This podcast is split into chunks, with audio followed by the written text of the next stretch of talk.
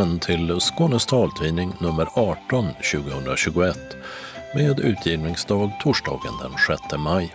Solen gick upp 5.14 och ner går den 20.56. I varsin studio finns Dodo Parikas och Åsa Kjellman Erisi. Tekniker på sitt håll är Martin Holmström. Och vi påminner om att det nästa vecka är Kristi himmelsfärdsdag på torsdagen och därför måste meddelanden vara redaktionen till handa senast klockan 12 måndagen den 10 maj. Och detta är innehållet i dagens tidning. Dags för 18 till 59-åringarna att vaccineras och ögonläkemedel kan på sikt komma att användas mot covid.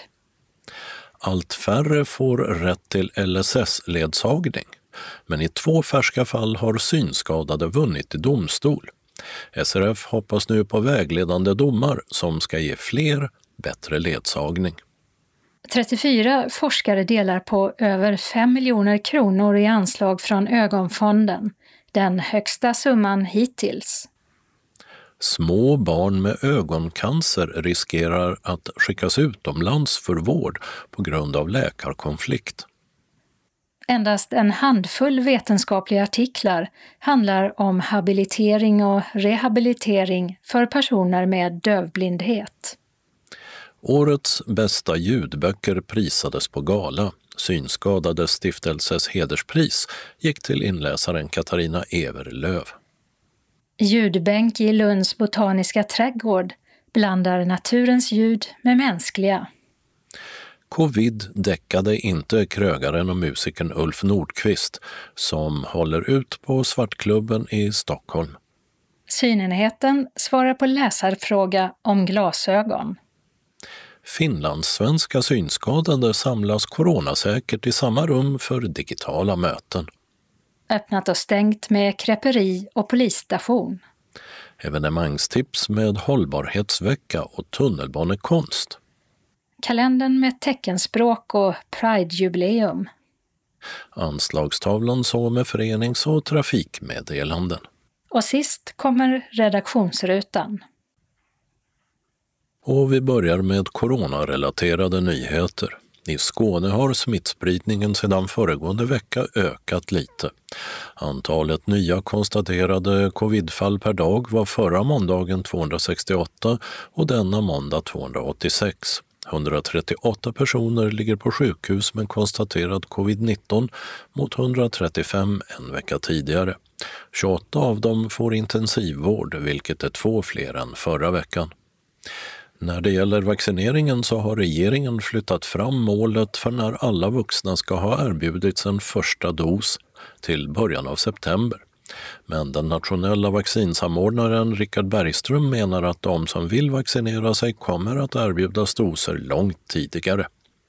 Och I mitten av maj så räknar Region Skåne med att starta med den fjärde fasen, massvaccineringen av dem mellan 18 och 59 och regionens vaccinationssamordnare och läkemedelschef Maria Landgren säger att först ut i åldersgruppen blir de över 50. 56 olika vaccinationsställen är planerade i Skåne, minst en i varje kommun. Det kan vara tillfälliga lokaler, apotek, hotell, privata vårdcentraler med mera. Och det är också upphandlade privata vårdgivare som kommer att ha hand om dessa vaccineringar. Det har även riktats kritik från regionpolitiker mot att antalet vaccinationsställen är alldeles för få och alltför glest utspridda. På sajten 1177.se ska det läggas upp en webbsida med information om hur man bokar tid och vilka mottagningar som utför vaccineringarna. Det går också att gå vidare därifrån till bokning. Och Region Skånes presstjänst uppger till taltidningen att den som inte kan använda digital bokning ska höra av sig till sin vårdcentral för vaccination. Det gäller även den som inte har bank-id. Samtidigt fortsätter vaccinationerna på sjukhus och vårdcentraler för de tidigare faserna, bland annat för de som ska få sin andra spruta. Och det finns också gott om tider för de över 65 som ännu inte vaccinerats, vilket är omkring 17 procent av åldersgruppen enligt regionens siffror i månadsskiftet. Hur ser det då ut med vardagens nöjen och andningshål? Ja, avstånds och handhygienrekommendationerna gäller fortsatt. Men regeringen har aviserat att det från 17 maj kan bli tillåtet med upp till 500 personer på till exempel idrottsevenemang, friluftsteatrar, konserter och liknande. Och det gäller utomhusarrangemang. Och bara under förutsättning att det finns anvisade sittplatser med möjlighet till avstånd. Annars så skulle det bli en gräns på 100 personer. Motionslopp får också hållas enligt de här planerna, dock upp med upp till 150 deltagare. Och inomhus skulle siffran bli 50 personer med anvisade platser och avståndshållande. Och så kommer det nyheter om olika läkemedel som kan hjälpa covid-sjuka. Ett av dem är ett läkemedel mot ett virus som drabbar ögonen och som skulle kunna vara verksamt mot coronavirus, berättar Vetenskapsradion vid Sveriges Radio. Det är forskare vid Umeå universitet som forskar på detta. De senaste tio åren har antalet personer med ledsagning enligt LSS i Sverige mer än halverats och personer som haft ledsagning i många år får allt oftare se den indragen. Men i två färska domar fick de synskadade som överklagat rätt. Anna Kvarnström, förbundsjurist på Synskadades riksförbund, hjälpte till att driva de här målen och ett antal andra i hopp om att Högsta förvaltningsdomstolen så småningom kommer med en vägledande dom som ger synskadade tillbaka rätten till ledsagning. Och Kvarnström är nöjd med de två senaste domarna, där nämndemännen ovanligt nog körde över juristdomaren. Jag är givetvis nöjd med att domstolen bifaller de enskildas eh, överklaganden och att de får rätt. Eh, men det man kan vara missnöjd med är ju förstås att eh, den lagfarna domaren ställer sig skiljaktig och att det krävs tre stycken nämndemän för att bevilja enskilda rätt. Så det är ju positiv utgång, men man kan ju ha vissa invändningar mot att det ser ut så här i domstolarna idag. Ja, det ena fallet gällde en kvinna i Skövde som hade haft ledsagning enligt LSS i 23 år, men kommunen drog in den i fjol och så överklagade hon till förvaltningsrätten som gav henne rätt till sex timmars ledsagning i veckan. Och det var nämndemännen som du var inne på, de tre amatördomarna, om vi får kalla dem för det, som körde över juristdomaren. Och detsamma hände sen också i förvaltningsrätten i Uppsala eh, nu i april. Då var det en blind man i Västerås som hade blivit av med sin LSS-ledsagning han haft under ett antal år. Och där tyckte rätten att han visst har rätt till insatser och begärde att kommunen skulle göra en överprövning. Vad betyder det att nämndemännen gör så här egentligen? Och hur vanligt är det? Det är väldigt ovanligt att samtliga tre nämndemän eh, går emot domaren och säger att nej, så här tycker vi att det ska vara och helt enkelt eh, lite grann struntar i lagen. Och det är ju eh, uppseendeväckande i sig, men egentligen inte så uppseendeväckande med tanke på hur, hur LSS rättsutvecklingen har gått ifrån det som tidigare sågs som det naturliga. Och, och nämndemännen står ju i domstolen för någon slags folklig förankring, sunt förnuft. Eh, och då är det ju egentligen helt i linje med deras roll att säga att nej, så här tycker vi att rätten ska se ut. Och lite grann markera att nej, är man blind så ska man omfattas av LSS och anses ha då betydande svårigheter och omfattande behov av stöd och service som det står. Och det är en tolkning som man kan säga fanns förut. LSS är en lag från lagen om stöd och service till vissa funktionshindrade. Eh, en eh, lag från 1994. Sen kom det en dom eh, i regeringsrätten 1999 som har fått genomslag sen i domar och i kommuners praxis, fast med en viss fördröjning. Där synskadade helt enkelt inte får LSS-ledsagning. Det har tagit tid det där. Ja, det vi ser är ju att det var först någonstans innan 2010 som eh, den där domen plockades upp igen och började innebära praktiska begränsningar av ja, synskadades eh, rätt till LSS. Och, och, det är ju en märklig fördröjning. Forskare borde ju titta på varför det hände och varför, vilka parametrar som spelade in där. Eh, men det är ju lite märkligt att den domen från 1909 nu används som, som skäl att eh, ändra lag, lagstiftningen eller tolkningen av den. Så att, eh, ja, lite intressant är det ju, men förstås beklagligt för de synskadade. 2010, alltså 11 år sedan, så hade nästan 2 500 personer ledsagning enligt LSS. Och nu då är siffran under 1000 folk som inte får och får indraget. Eh, och den tolkningen de baserar på, det är den som ni på SRF, Synskadades riksförbund, ju vänder er mot sedan länge. Ja, precis. Det är ju en eh, just bedömning om huruvida personer som är synskadade kan anses ha betydande svårigheter och omfattande behov av stöd och service som har tagit snurr eh, lite grann. Och när lagen tillkom så var det självklart att personer med omfattande synskador kunde ha betydande svårigheter och omfattande behov av stöd och service. Och det har ju att göra med att eh, bedömningarna då utgick från ja, situationer utanför hemmet och, och samtliga livsområden. Och nu är det allt mer en bedömning som utgår från personer med hjälpmedel i hemmamiljö. Och det där är ju en tolkning som vi inte alls håller med om. Det blir inte rättvis bedömning helt enkelt. Och de här två fallen, det är inte de enda som ni är med och hjälper till och driver i domstolar. Över 20 Nej. ärenden har ni. Ja, precis. Vi, vi driver ju just nu väldigt många ärenden eh, och det är ju dels eh, en satsning eh, från förbundet. I och med rättighetsprojektet så utlyste vi ju särskilt att vi ville ändra den här rättspraxisen och driva ärenden på LSS. Och nu är det ju nödvändigt för det är väldigt få idag som får den här rätten. Så det kommer ju allt fler ärenden oavsett rättighetsprojektet som rör just LSS. Så just nu driver vi över 20 stycken ärenden. Och då handlar det om att vi försöker att säkerställa att rätt ärende eh, kommer till Högsta förvaltningsdomstolen så att vi ska få någon slags ändrad rättspraxis helt enkelt. Så det är bara Högsta förvaltningsdomstolen som kan göra det ordentligt så att de andra domarna sen följer efter att göra samma sak som 99 fast tvärtom då helt enkelt. Ändra på rättspraxis med en vägledande mm. dom. Precis, vi behöver att Högsta förvaltningsdomstolen konstaterar att nej, så här ska bedömningen göras och ja, självklart kan synskador omfattas av personkrets 3. Eh, det vill säga ha betydande svårigheter och omfattande behov av stöd och service.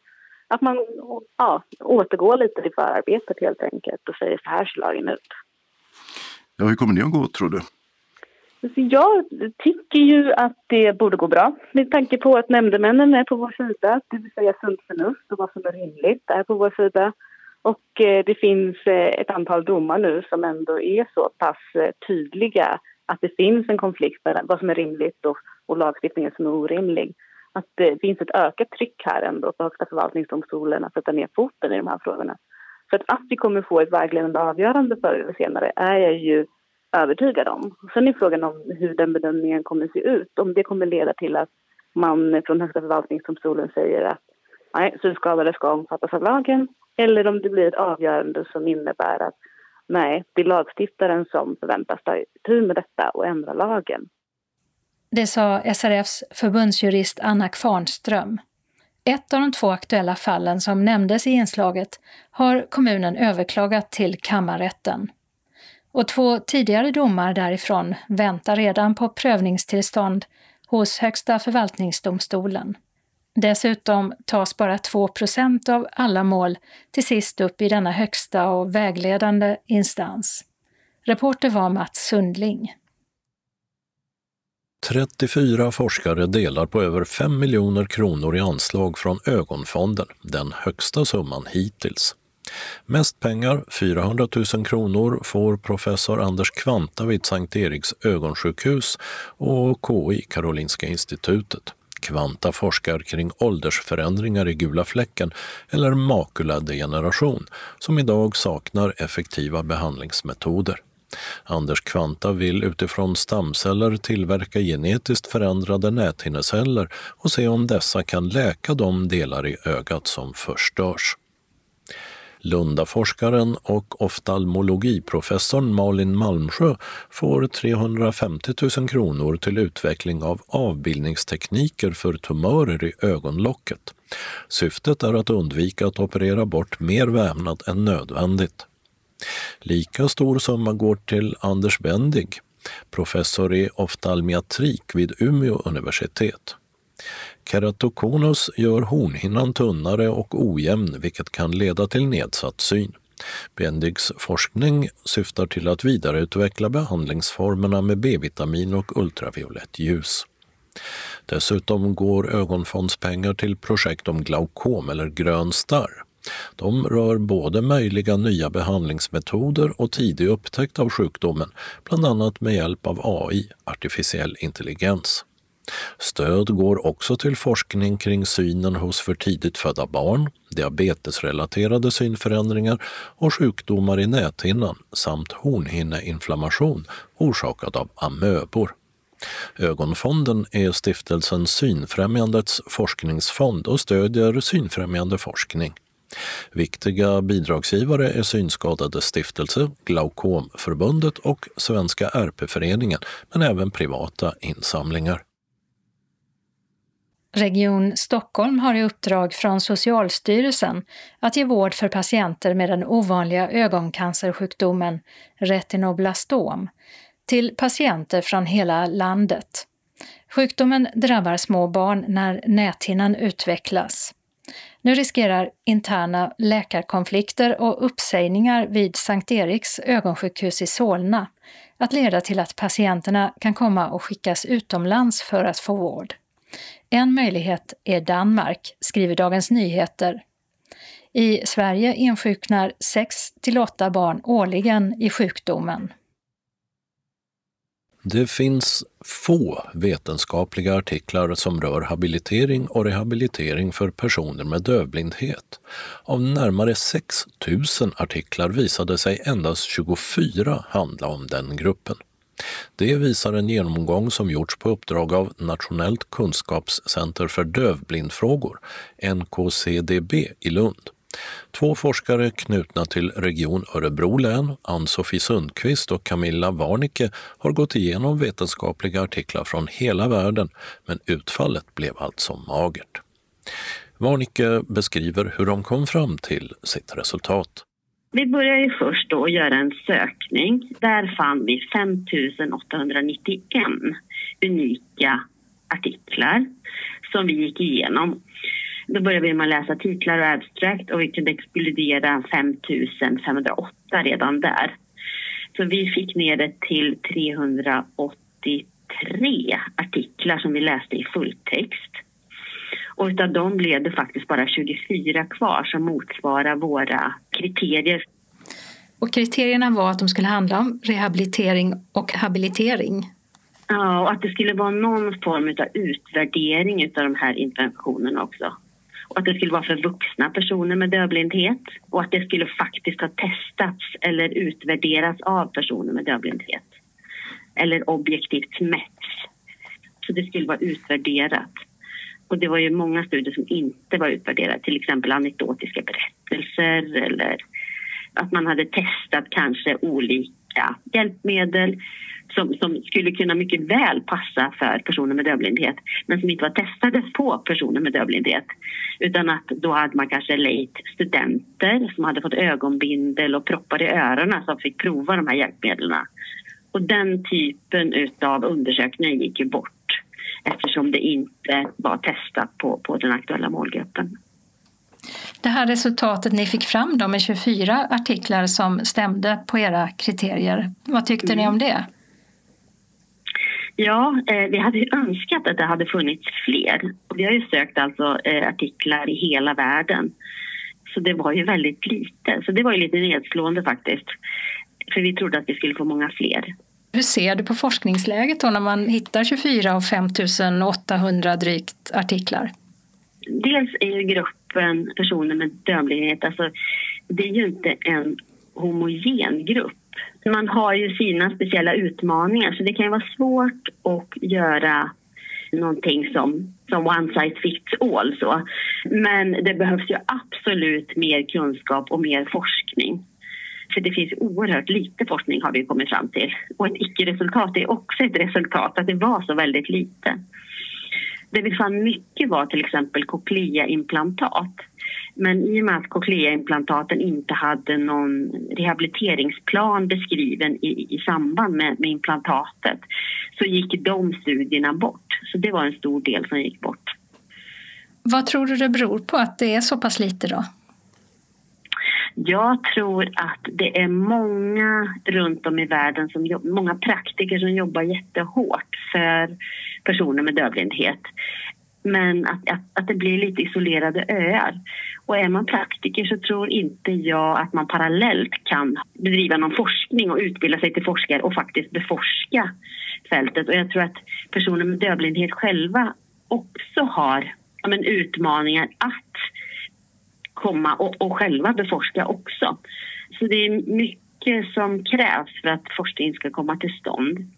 Och sen så inte minst tror jag också att mycket forskning styrs av att man får forskningsmedel.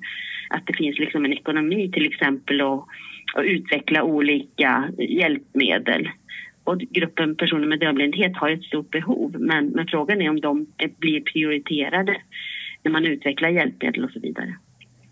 Och varför menar du att de inte skulle bli prioriterade? Jag tänker att gruppen personer med dövblindhet har väldigt olika behov. Alla individer har olika behov. Och sen så är det en relativt liten grupp som jag bedömer inte får mycket uppmärksamhet. Så finns det liksom ingen ekonomi att utvärdera vissa hjälpmedel så kanske den gruppen blir åsidosatt. Och framåt, hur tycker du att det ser ut där med tanke på det som ni hittade i den här genomgången? Vi kan ju se att studier av eh, interventioner för personer med dövblindhet i alla fall har ökat de senaste åren. Ganska markant från ja, 2013 och framåt så kan man se betydligt fler studier. Så, så, så det ser ut att vara en ljusning ändå. Så det går ju uppåt och det blir bättre. Om du skulle välja ett eh, specifikt område där man verkligen borde forska, alltså inom rehabilitering och habilitering, vad säger du då?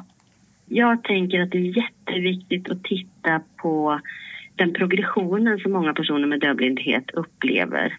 Socialt stöd när både hörsel och syn sviker och, och blir sämre och sämre.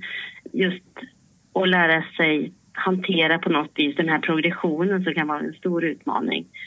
Och sen så tänker jag också att många olika professioner jobbar ju tillsammans men kanske på sin egen nisch så att säga för personer med dövblindhet. Så titta på någon samsyn eller ett samarbete över professioner också tror jag är viktigt. Det sa Camilla Warnicke som också arbetar som tolklärare på Fällingsbro folkhögskolas teckenspråk och dövblind tolkutbildning i Örebro. Hon intervjuades av Åsa Kjellman Erisi så har Storytel Awards, även kallat Stora ljudbokspriset, delats ut på en gala. I romankategorin vann Sen får jag hem, inläst av Lou Kauppi. I motiveringen står bland annat Karin Smirnoffs egensinniga, originella och fängslande berättelse hanteras varsamt och innerligt av Lou Kauppi. Hennes röst flyter ihop med texten så som vi föreställer oss att det lät i Karin Smirnoffs huvud när hon skrev den. I spänningsklassen vann Nio liv av Emily Schepp, inläst av Gunilla Leining. Barnbokspriset gick till författaren Pia Lindenbaum och inläsaren Sissela Kyle för Gittan och fårskallarna, medan fackbokspriset gick till Jag kan ha fel av Caroline Bankler Navid Modiri och Björn Natthiko Lindeblad, inläst av den senare. Också Synskadades stiftelses hederspris delades ut. Det gick till inläsaren och skådespelaren Katarina Evelöv, välkänd både som talboks och ljudboksinläsare. Prismotiveringen lyder En ljudboksdrottning som bjuder på stora litteraturupplevelser Lyssnarna följer hennes tydliga och klara stämma till olika genrer och är tacksamma för att hon outtröttligt fortsätter läsa in böcker. I hedersprisjuryn ingår bland annat SRFs förbundsordförande Håkan Thomsson, som även är ordförande i Synskadades stiftelse. En bit öster om kaféet i Botaniska trädgården, Botan i Lund, står en lite annorlunda bänk som nyligen invigts. En bänk där naturens ljud får konkurrens av de av människan skapade ljuden. Vi träffade konstnären och upphovspersonen Jonna Hägg vid bänken som just för tillfället var genomblöt eftersom det regnade, vilket också hörs i inslaget men som står vackert placerad bland höga träd och med marken full av gullvivor och vitsippor runt omkring.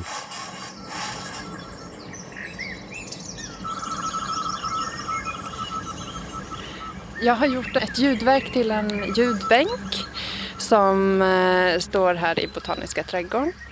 Och eh, verket heter Trädgården eh, där jag har tagit trädgårdens olika ljud, både djur och växter och människoljud som utgångspunkt som i en slags musikalisk komposition.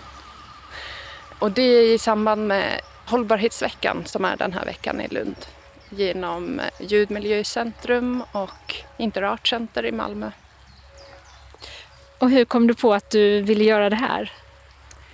Jag har intresserat mig länge för hur världens ljudbild förändras och hur miljön runt omkring mig låter och att nästan all natur överröstas av olika slags Alltså, människoljud, maskiner, motorer, telefoner, teknik. Och så har jag mer och mer fördjupat mig i det och just här då intresserat mig av alla ljud i en trädgård och speciellt då platsspecifikt här i Botaniska trädgården. Och om eh, man lyssnar nu på det ljudverk som du har gjort, vad är det för ljud som vi hör? Allt ifrån rinnande vatten till eh, fågelkvitter och eh, sekatörklipp, eh, gräsklippare, sådana där bladblåsare. Eh, det är också eh, vinglas som klirrar och något slags vindspel som låter i vinden. Det är fältinspelningar som är bland annat inspelade några härifrån Botaniska men också från blandade trädgårdar runt omkring i Sverige. Ska vi lyssna en stund?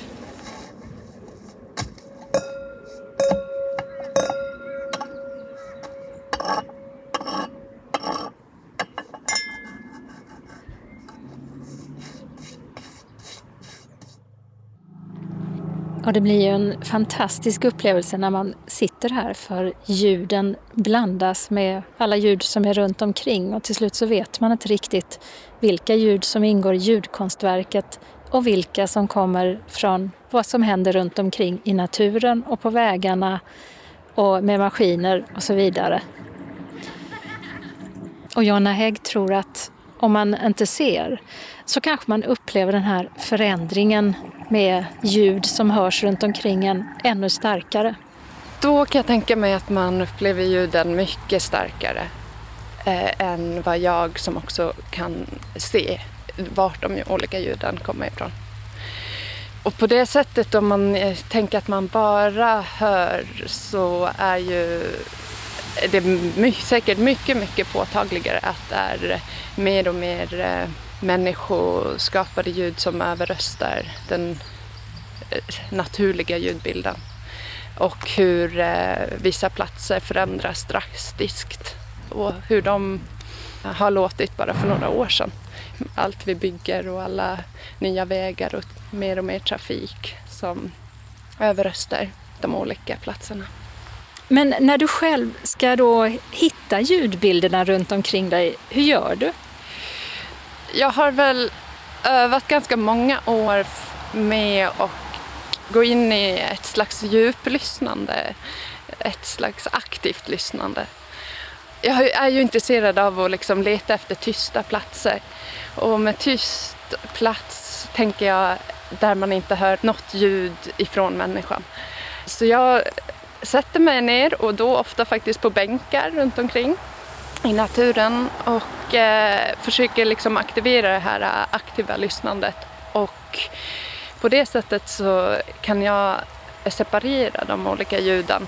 Kanske bara lyssna på billjudet eller bara på det lilla insektssurret runt omkring mig. Just nu så kommer det då ett eh, arbetsfordon förbi här som man har väldigt tydligt.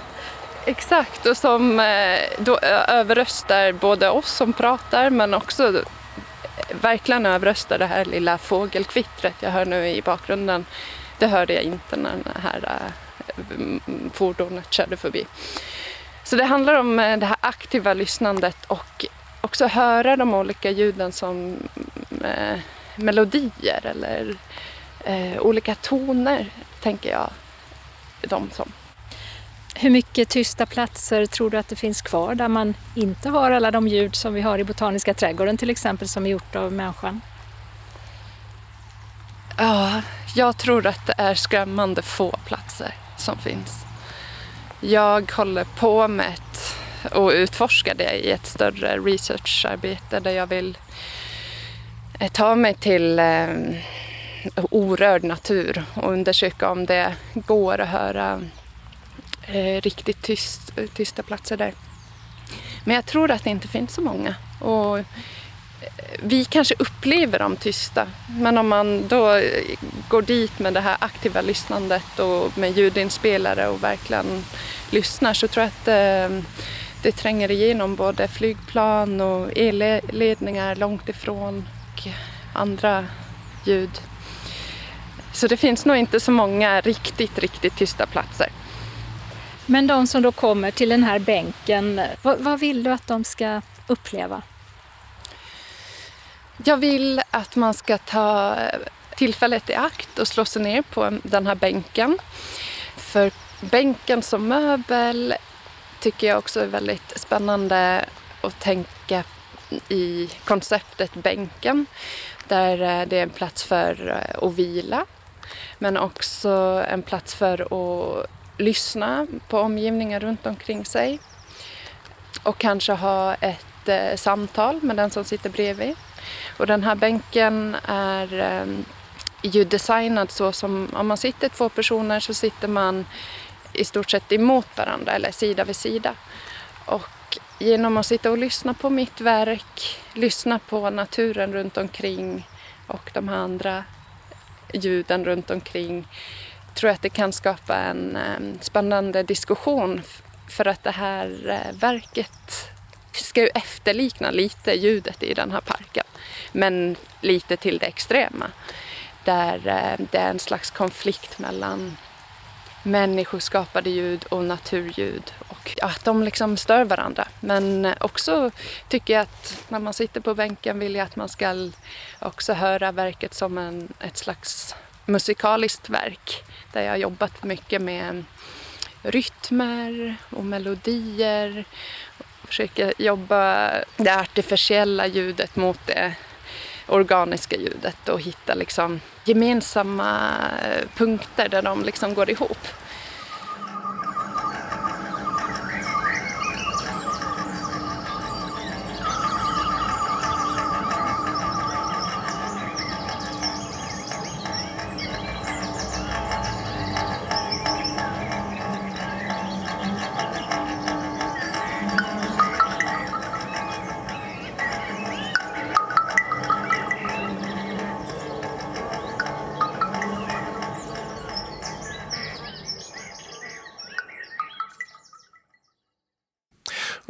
Bänken finns kvar även efter hållbarhetsveckan och ända fram till midsommar. Jana Hägg berättade också att fågelkvittret i ljudverket har ändrat något i frekvens så att det inte ska störa fåglarna som skulle kunna bli förvirrade och ha svårt att kommunicera. Frekvensändringen kan vi inte höra, men fåglarna hör skillnaden. Reportaget var gjort av Åsa Kjellman Risi. Det gäller att ta ansvar, säger den blinde krögaren och musikern Ulf Nordqvist på stockholmska Svartklubben och accepterar med visst jämnmod coronabegränsningarna. Och när gästerna är färre under pandemin så är det statliga bidrag som hjälper mörkrestaurangen och musikstället att överleva. Vi har fortfarande alldeles för lite gäster på grund av att vi är öppet för få dagar för att restriktionerna säger att vi får ju inte fylla på lokalen.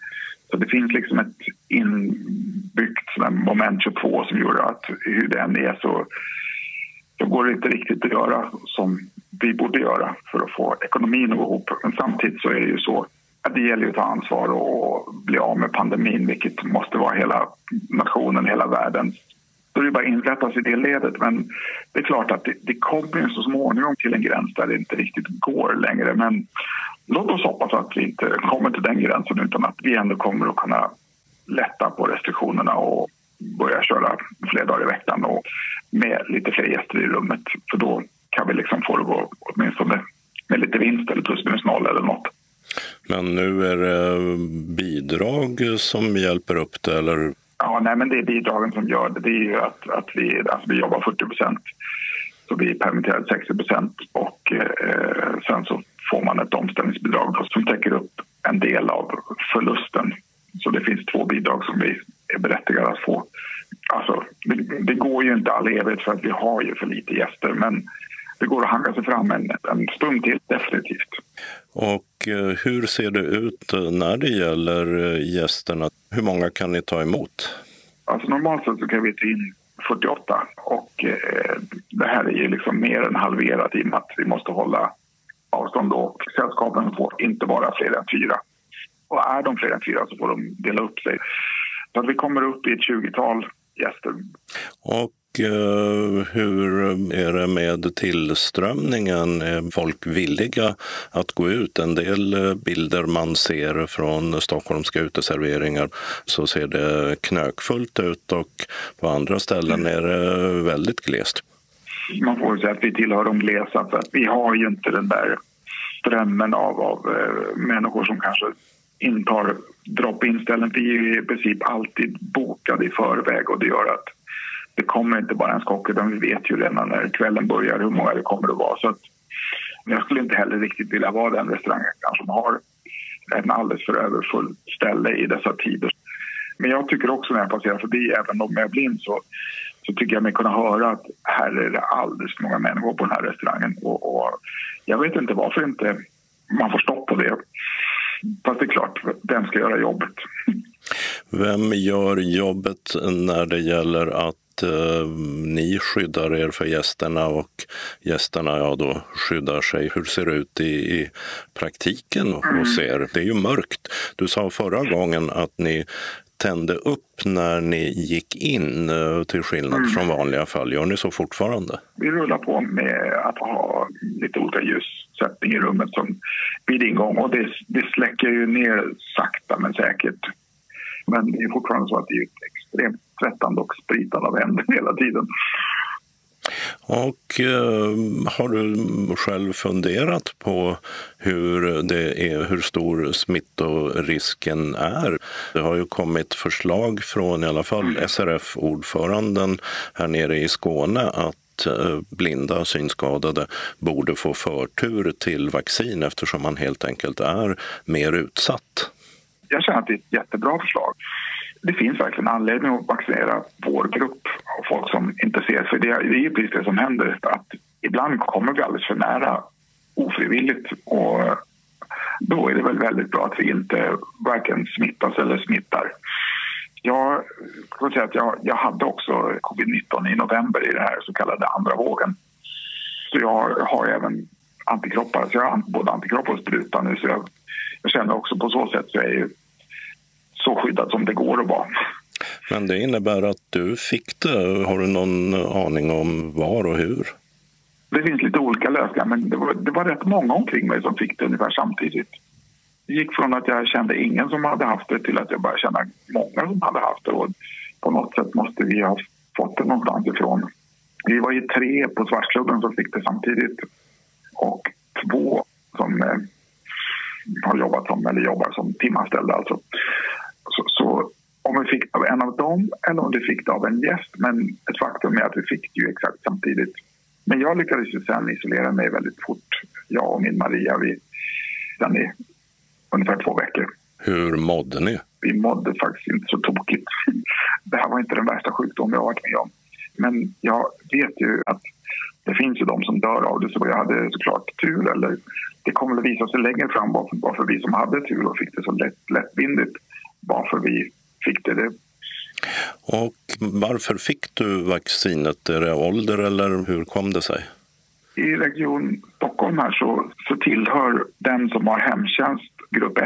Så att jag fick det samtidigt som 92-åringarna. Sa krögaren och musikern Ulf Nordqvist på mörkerrestaurangen Svartklubben på Skånegatan i Stockholm. Och i löpsedeln på vår hemsida finns en länk till en intervju med honom från juli förra året. Reporter var Dodo Parikas. Och så ska vi ta en läsarfråga. En anonym läsare hörde av sig och frågade om solglasögon på synenheten och vad som gäller. Till exempel om man som läsaren inte är nöjd med passformen. Svarar gör cheferna Nesrin Dahil och Pirjo Kaikkonen. Jag tror att det har blivit en eh, missuppfattning eh, kring eh, vilka glasögon vi har. Vi har ju inga solglasögon utan vi har eh, filterglasögon som kan lätt förväxlas med e, solglasögon och våra patienter. E, filterglasögon är speciella glasögon där man kan ha olika filterfärg på dem för att e, avgränsa ljusinsläppet till ögat eftersom eh, vi vissa av våra patienter kan vara väldigt ljuskänsliga.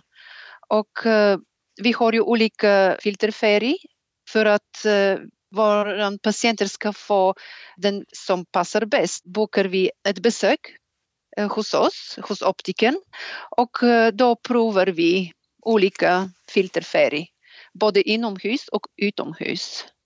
Så det är en individuell bedömningsfråga. Det handlar ju också om att höja kontrasten med olika färg, då, att det är lättare att se sin omgivning. Så det är både ljusinsläpp men även att trappa till kontrasten. Och de som ser lite grann kanske känner igen eh, dem som gula glasögon eller orangefärgade ja. glas. Ja, precis. Passformen av bågarna, om man inte är nöjd med den, eh, vad gör man då? Då kontaktar man ju såklart sin synenhet för att få en ny tid och så får man ju titta över om det går att göra bättre. Ibland är det ju så att inte man kan få det helt fullt perfekt utan då får man ju hitta en, en ett, så det blir så bra som möjligt. Eh, så det är inte alltid det blir helt perfekt utan man får vara nöjd med det som, som det blir. Och solglasögon får man då, gissar jag, fortfarande gå till en vanlig affär eller optiker och köpa? Ja, sa synenheten Vuxnas chefer Nesrin Dahil och Pirjo Kaikkonen. Och de välkomnar, som vi även hört tidigare, frågor och synpunkter från er läsare. Har du som hör det här något som kan vara intressant för fler att höra svaret på? Mejla, skriv eller ring oss. Kontaktuppgifter finns i redaktionsrutan sist i tidningen. För ett år sedan hörde vi den finlandssvenska synskadeorganisationen FSS ordförande Gunilla Lövman berätta om coronasituationen i Finland och hur förbundet ringde upp alla sina medlemmar för att höra hur de har det. Själv befann sig Gunilla Lövman den gången på sin sommarö, eller Holme, i Åbolands skärgård. Och dit är hon på väg även nu när vi ringer upp henne igen. Ja, idag vaknade jag upp till en alldeles, alldeles mulen dag. Och nu lovas det också att det ska bli sämre väder och jag hoppas att jag ska hinna ut i Holmen innan det blåser 17 meter i sekunden. Holmen, det var där vi fick tag på dig förra gången. Då var du isolerad ute på ditt öviste. Var är du nu? Nu är jag där i min vinterholk. Eh, jag har nog varit ute på Holmen och värmt huset. Så att idag så snart jag har pratat färdigt med dig så ska jag göra mig i ordning att fara ut till, till Holmen och förankra mig där. Hur har det här året som i princip har gått sedan vi hördes sist varit eh, för dig ur coronasynpunkt? För mig personligen så känns det som om eh, mitt engagemang när jag är ordförande då, så, som det skulle ha ställt mera krav, mera att fundera på. Eh, inga resor, men eh, väldigt många saker att ta, ta ställning till. Till exempel eh, eh vårt eh, förbund FSS har ju då både vår och höstmöte och eh, i fjol höll vi vårt vårmöte i september. Höstmötet först 19 december. Vi har ju då medlemsföreningar och eh, eftersom vi då räknar med att eh, en stor del av våra medlemmar inte har möjlighet att eh, delta digitalt så ordnar vi på sju olika orter mötesutrymmen där man kunde då samlas i grupp och eftersom man inte fick vara flera än tio i en grupp så behövdes det på några orter fyra rum och någon annanstans två eller tre rum för att alla skulle kunna delta. Så vår eh, IT-avdelning har nog aldrig varit så engagerad i att eh, bygga upp då sådana här system hur vi skulle då till exempel kunna hålla våra, våra möten. Nu när det blir vårmöte så kommer det att fungera på samma sätt. Inga medlemmar deltog alltså hemifrån utan man satt i de olika mötesrummen gruppvis men på samma ort och följde sammanträdet på nätet från Jakobstad, Vasa, Åbo, Mariehamn, Ekenäs, Helsingfors och Borgå. Hur fungerade det då? Klarade sig till exempel alla utan smitta? Jo, alltså vi har varit mycket stränga med det att de som fanns i varje rum de fick sin eh, mat till det här rummet och, och varje rum skulle ha tillgång till egen toalett. Och man fick alltså inte springa mellan de här rummen utan det var väldigt väldigt strängt. Sen fanns vi ju förstås inte från förbundsledningen där och kontrollera men ja, nej, inga smittor. Och, och eh, vi var också noga med hur folk skulle ta sig till de här mötena. De som kom i samma bil så måste då också sen finnas i samma rum. De fick inte gå i olika rum. Vi hade mycket stränga regler. Ja, många medlemmar i den finlandssvenska synskadeföreningen är inte digitala. Men varför måste alla som skulle delta i mötet nödvändigtvis finnas på samma ort och plats? Varför inte låta de som ville och kunde delta hemifrån? Alltså en orsak att vi bestämde att samlas i de här små grupperna så var att eh, det var en jurist som vi diskuterade med som sa att Eh, vi måste ha koll på att uh, ingen ramlar bort från ett möte.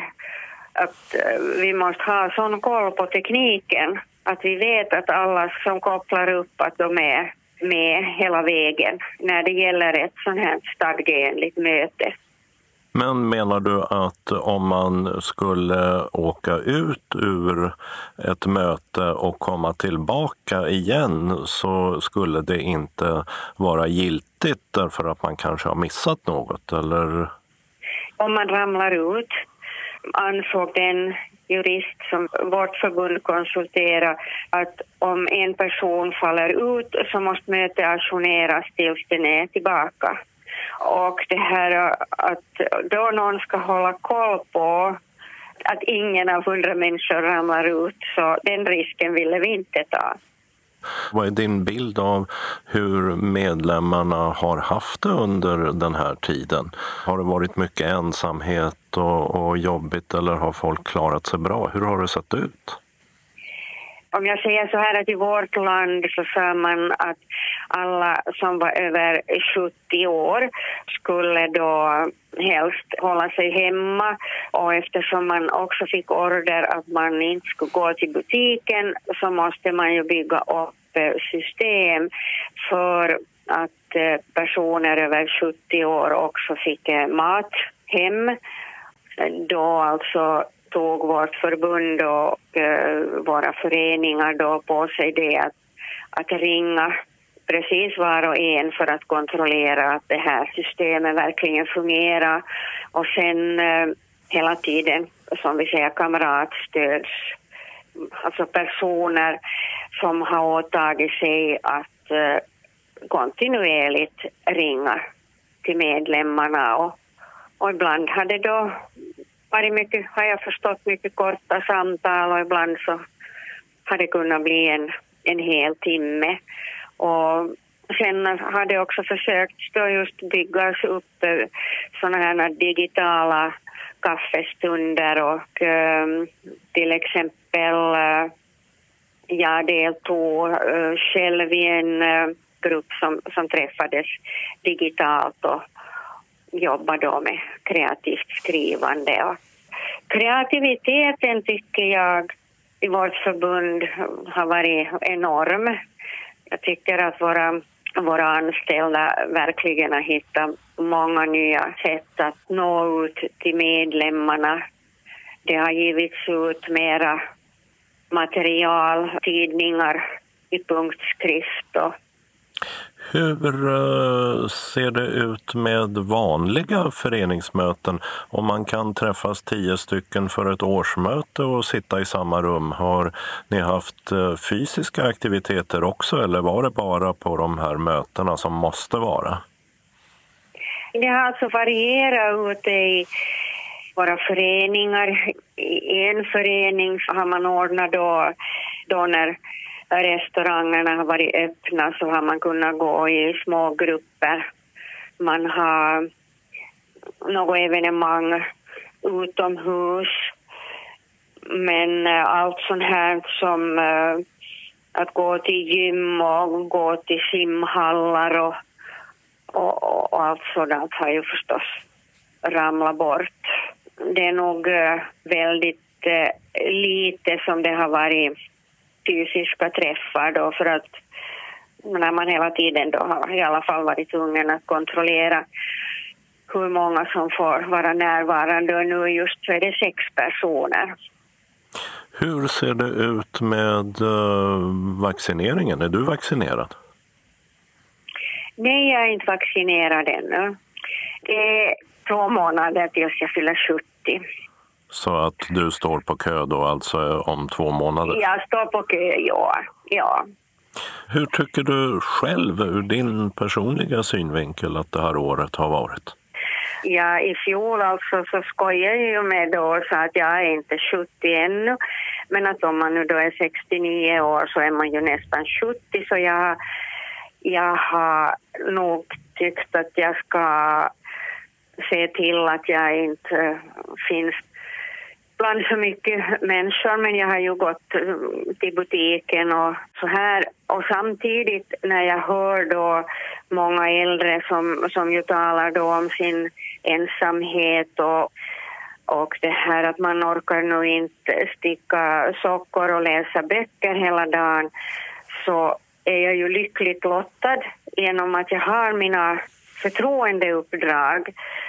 Så att eh, jag, jag upplever på ett sätt att det enda som har förändrats för mig är det att jag, jag inte packat kappsäcken. Men jag har, jag har deltagit i kanske flera möten än annars. Jag har varit fullt, fullt, fullt sysselsatt. Jag kan säga att just nu så längtar jag verkligen efter att jag skulle kunna ha några dagar då jag inte behöver göra något annat än lägga patiens och lyssna på böcker. Det sa Gunilla Lövman, ordförande för FSS, förbundet Finlands svenska synskadade, innan hon stack iväg till sin sommarö, dit hon nådde fram utan problem trots den hårda blåsten.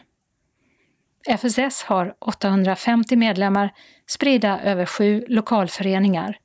Och vi ska tillägga att vid ett tillfälle hände det att ett mötesrum ramlade ur det digitala sammanträdet och då ajournerades också mötet tills IT-gruppen fått med dem igen. Och när SRF har sin kongress i juni kommer ombuden i varje distrikt också att samlas på ett ställe, eventuellt även vanliga medlemmar. En länk till förra vårens intervju med Gunilla Lövman hittar du i löpsedeln på vår hemsida. Reporter var Dodo Parikas. Öppnat och stängt. I Ystad har en ny antikaffär öppnat. Ystad Återblick, retro och saker från förr. Detta i en källarlokal på Bruksgatan 30. I Röstånga har Röstångahallen från 1912 rivits. Den har stått tom sedan en lokalt känd handlare och politiker la ner efter 40 år. Här har funnits såväl pensionat som bio, bad och nattklubb. På tomten mot Mölledammen ska det bli bostäder. I Malmö och hipstergallerian Mittmöllan har den syditalienska pizzerian Dal Sud stängt efter två och ett halvt år. Men dess namne vid Värnhemstorget finns kvar. Polisstationen i Broby har stängt för besök på obestämd tid. En ombyggnad gör att de inte längre har öppet två eftermiddagar i veckan för anmälningar av hittegods. Det går att ringa dit medan hittegods hänvisas till stationerna i Kristianstad och Hässleholm. I Vollsjö har byn Creperi öppnat på torget 1. Här serveras franska pannkakor, både matiga galetter och söta crepe. Öppet till lunch och på kvällarna sju dagar i veckan. I Höganäs har mötesplats Snäckan öppnat på Stinsens trädgårdsgata vid Busstorget. Öppet torsdagar 18 till 19.30. Målgrupp personer med neuropsykiatrisk eller intellektuell funktionsnedsättning. I Ystad har SEB flyttat till nya och mindre lokaler på andra våningen i Starshinehuset vid Österports torg. Banken är granne med bageriet Söderberg och Sara och Ystad Allehanda. Evenemangstips. Lunds universitets hållbarhetsvecka är i full gång. Och förutom ljudbänken, som vi berättade om tidigare i tidningen, så händer en hel del. Skissernas museum har producerat en film om konst i kollektivtrafiken som man kan se på youtube.se. Och då handlar det speciellt om tunnelbanan i Stockholm. En direktlänk finns i evenemangstipsmejlet. Och konstnären som man får veta mer om är Siri Derkert, som själv i 70-årsåldern blästrade fram de kvinnohistoriska motiven på Östermalmstorgs T-banestation. Och Skissernas museum i Lund har i veckan öppnat igen och det går att förboka ett besök dit på biletto.se. På museet finns över tusen skisser från just olika konstprojekt i Stockholms kollektivtrafik. Fram till den 8 maj klockan 16 pågår utställningen. Ett annat evenemang är en debatt som man kan följa digitalt. Striden om skogen, vad handlar den om? Den 6 maj klockan 19 till 20.15. Och bland de som debatterar finns flera forskare från olika områden och även skogsägare. Moderator är Maria Gunther, vetenskapsredaktör på Dagens Nyheter. En länk till debatten finns i veckans evenemangsmail. Och hela programmet för hållbarhetsveckan hittar man på hemsidan hallbarhet.lu.se hallbarhetsveckan. Teaterquiz är det på Malmö stadsteater klockan 12 imorgon fredagen den 7 maj. Det utlovas många roliga och kluriga frågor som alltid är kopplade till en dikt, sång eller dramatisk scen. Teaterquizet sänds live från Stadsteaterns repetitionslokal. Och för de som följer det digitala quizet behövs både en dator eller padda och en mobil. Och för att svara på frågorna ska man vara inloggad på menti.com. Först blir det en instruktion om hur det hela går till. Quizet som är gratis och har en åldersgräns på 15 år håller på mellan 15 till 30 minuter och man kan klicka sig fram på hemsidan malmostadsteater.se. Victoriateatern i Malmö arrangerar sin sista livestreamade konsert för våren. Den 14 maj kan man lyssna till Malmömusikern Andy Almqvist som med vemod sjunger om livet, döden, utanförskap och dysfunktionell kärlek. Konserten börjar klockan 20 och via Kulturcentralen kan man köpa stödbiljetter för 50, 100 eller 200 kronor. Och en direktlänk finns i evenemangsmejlet. Hässleholms jazzklubb planerar en konsert i Blå salongen på Hässleholms kulturhus den 18 maj 19.30 till 21.30. Uppträder gör Kajsa Seroni med kvintett som presenterar utvalda och djärvt tolkade melodier ur den amerikanska sångboken, men även egna kompositioner. Biljettpris för medlemmar i jazzklubben 200 kronor, för icke-medlemmar 250 kronor. Och alldeles gratis är det däremot att komma in på den konsert som är inplanerad till den 26 maj 18.30 till 19.30 i Kulturhusets röda salong. Uppträder då gör Kulturskolans slagverkare. Och även om det är gratis så måste man boka biljett på telefon 0451 26 66 70. Och det är ingen bokning på nätet för närvarande. I Landskrona kan framförallt seniorer delta i ett grupppass med en personlig tränare. Fokus ligger på kondition, balans, rörlighet och styrka. Platsen är vid stranden och utegymmet vid halvmånen i grupper om max åtta personer. Och passen är kostnadsfria. Föranmälan på 0707 92 38 69 eller 0733 36 22 19. Och datumen som gäller är 25 maj, 29 juni, 27 juli och 31 augusti. Och för alla tillfällen så gäller tiden 10.30 till 11.30. I Köpmansmagasinet i Smygehuk är det växtloppis den 29 maj och den 7 augusti.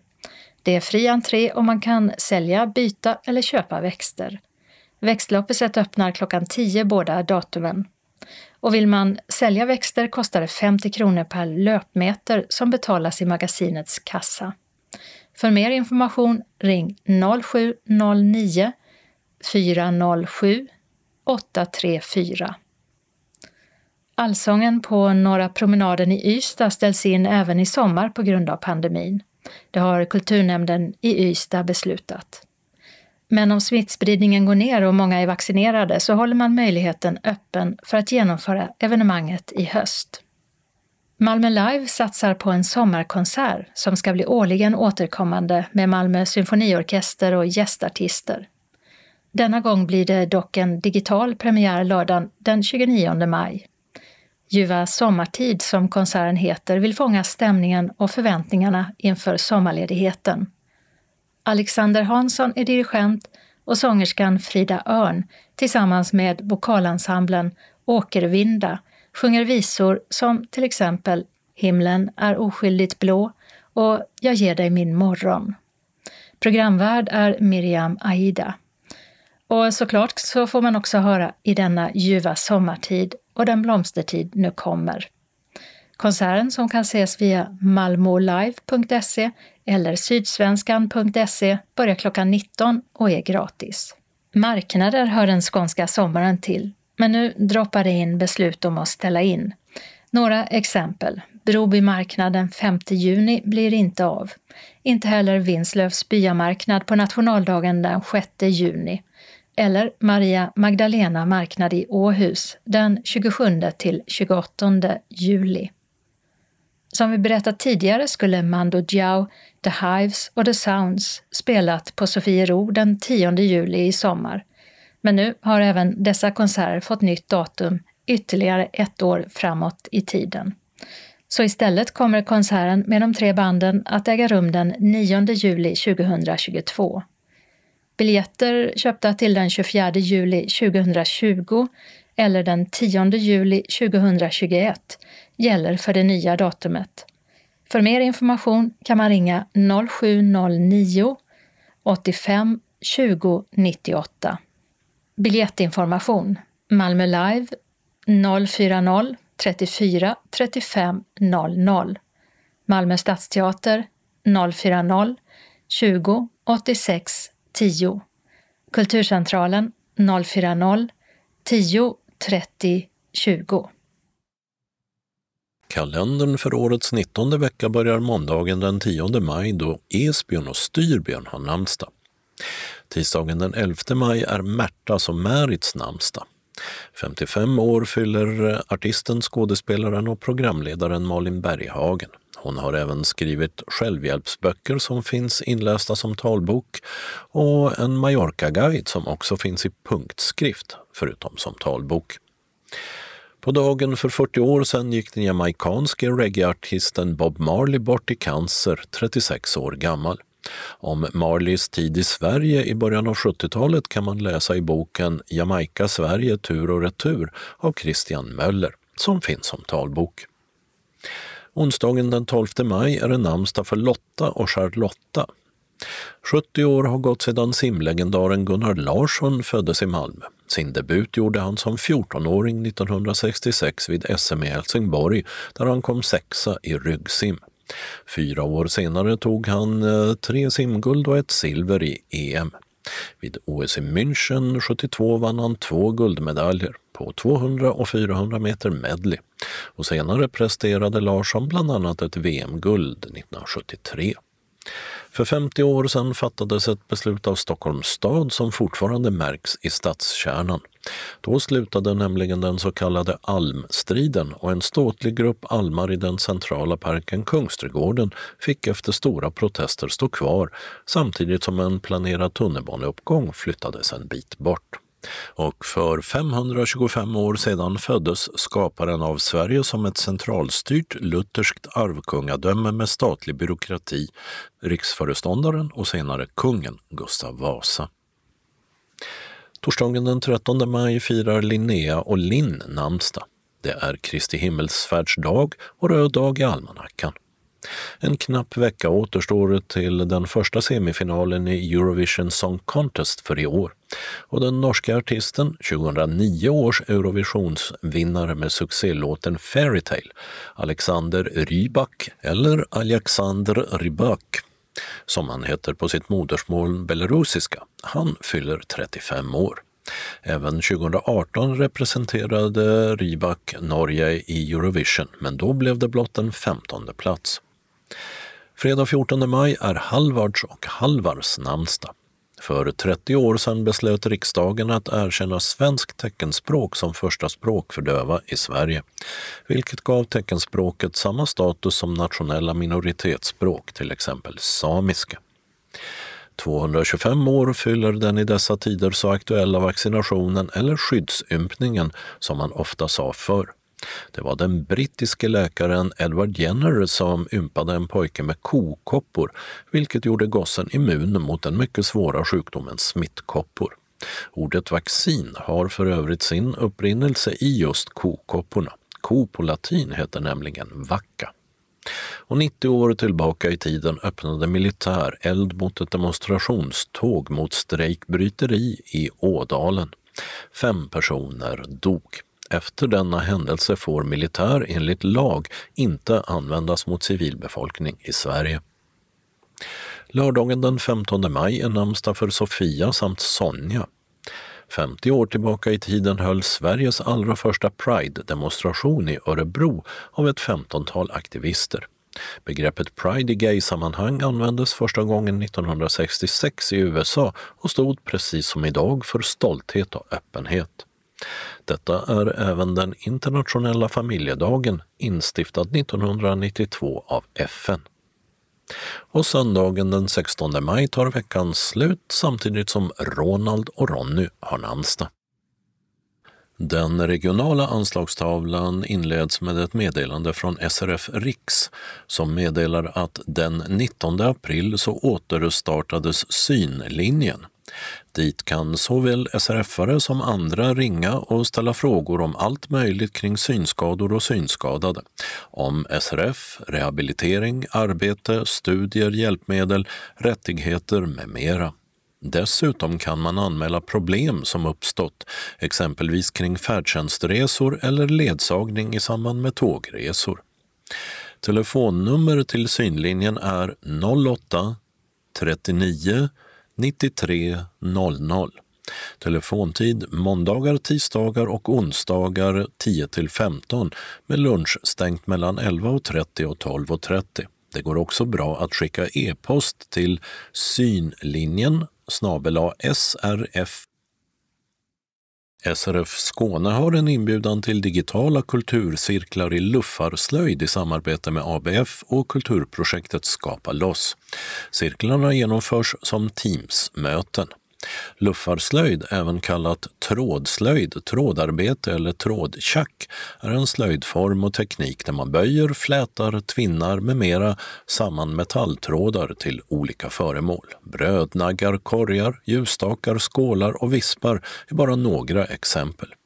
Slöjdarten har fått sitt namn från den tid då många så kallade luffare vandrade runt och sålde bruksföremål som de själva tillverkat med enkla tänger och järntråd. Nu hittar man mer fantasifulla skapelser i den varmglödgade ståltråden. Träd, fågelbord, djur, växter, figurer i olika materialkombinationer. Mässingstrådar, pärlor och olika prismor är exempel på hur man förgyllar sina verk.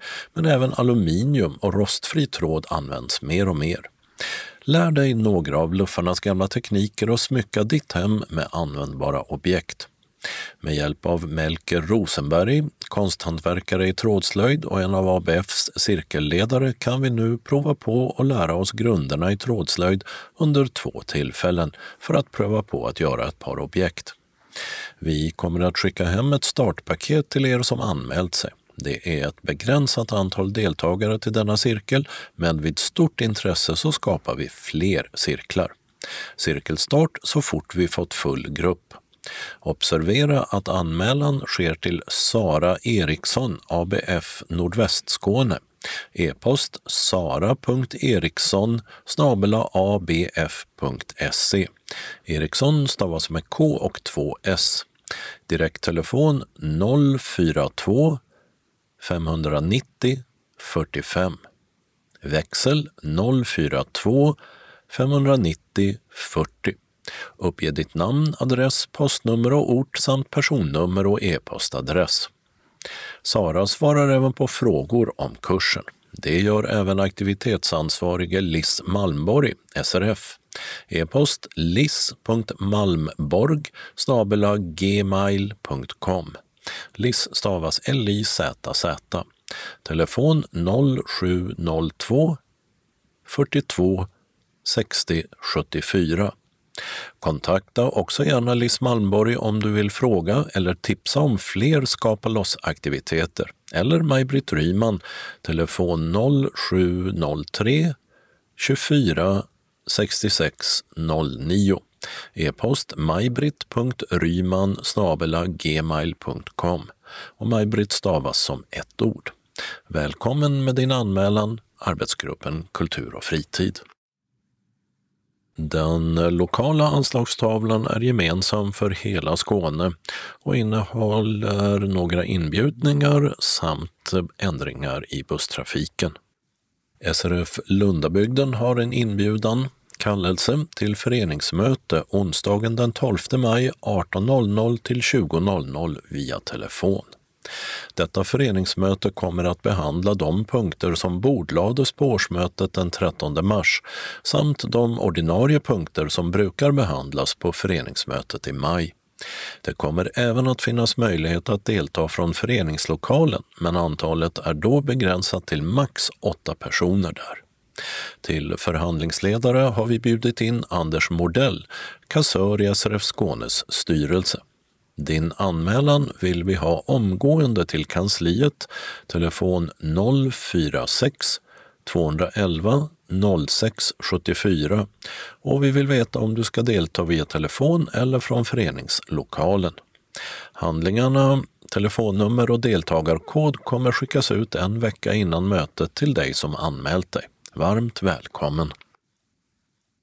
SRF Malmö Svedala meddelar att det fortfarande finns platser kvar till Fågelsångsguidningen söndagen den 23 maj 8.00 i Pildammsparken då vi ska vandra bland bokarna runt tallriken. Vi möts vid Roskildevägen 35, nära in till tallriken. Vår guide är fågelskådaren Erik Hirschfeldt. Anmäl dig till kansliet, telefon 040 25 05 40 senast 12 maj. Det är viktigt att säga till om du behöver ledsagare. För frågor ring Rolf Berglund 0705 47 97 29. Välkommen önskar styrelsen.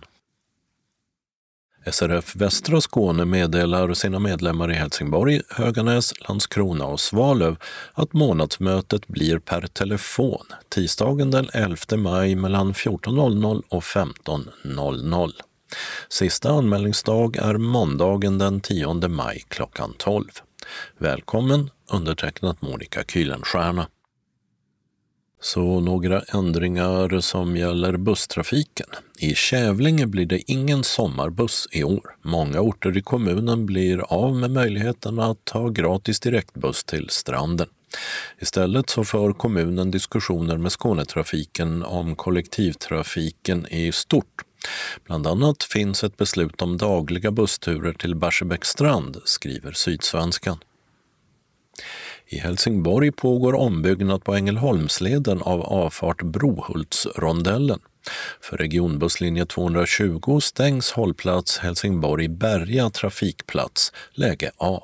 Hänvisning till en tillfällig hållplats, Garnisonsgatan södra läge A, cirka 350 meter åt nordväst på Garnisonsgatan. 20 maj klockan 18 ska arbetet vara klart.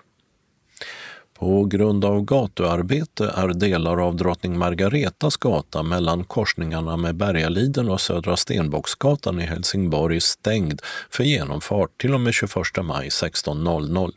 Samtliga påverkade linjer utom Skåneexpressen 10 leds om via Sankt Peders gata. För den stängda hållplatsen Helsingborg lasarettet i bägge riktningar gäller följande. För stadsbusslinje 4 hänvisas till Sankt Nikolai på Bergaliden, cirka 380 meter västerut, eller Olympiaskolan på Filbornavägen, cirka 330 meter åt nordost. För stadsbuss 6 samt regionbuss 220, 250, 506 och 520 samt Skåneexpressen 10 hänvisas till Sankt Nikolai. Även Olympia Park stängs för Skåneexpressen 10 med hänvisning till samma Sankt Nikolai. I Hässleholm pågår arbeten vid busshållplats Sjöbrisvägen läge A för stadsbusslinje 1 till och med 7 maj 17.00. 150 meter innan hållplatsläget finns en tillfällig hållplats. I Malmö pågår VA-arbete på Rudebäcksgatan och hållplats Högestadsgatan flyttas i bägge riktningar till och med 18 maj 15.00. Läge A mot Sibbarp till en tillfällig plats 60 meter bakåt i bussens färdriktning på Rudbecksgatan och läge B mot Värnhem 60 meter framåt i färdriktningen på samma gata. I Malmö är byggarbetena på Bergsgatan söderut mellan Amiralsgatan och Spångatan som skulle varit klara fredagen den 7 maj redan avslutade. Med start den 10 maj fortsätter arbetet i norrgående riktning då Bergsgatan samt Södra Förstadsgatan mellan Carl Gustavs väg och Möllevångstorget stängs av. Uppgifter om ändrade hållplatser finns inte när detta nummer av taltidningen läses in. I Torekov är det asfaltarbete på Ljungmansgatan så bussarna kan inte använda hållplats Torekov busstation. För linje 505 och 523 i bägge riktningar hänvisas till en tillfällig hållplats vid vändzonen i hamnen eller till hållplats Torekov kyrka cirka 220 meter i nordöstlig riktning på Storgatan. Arbetet ska vara klart 7 maj klockan 18.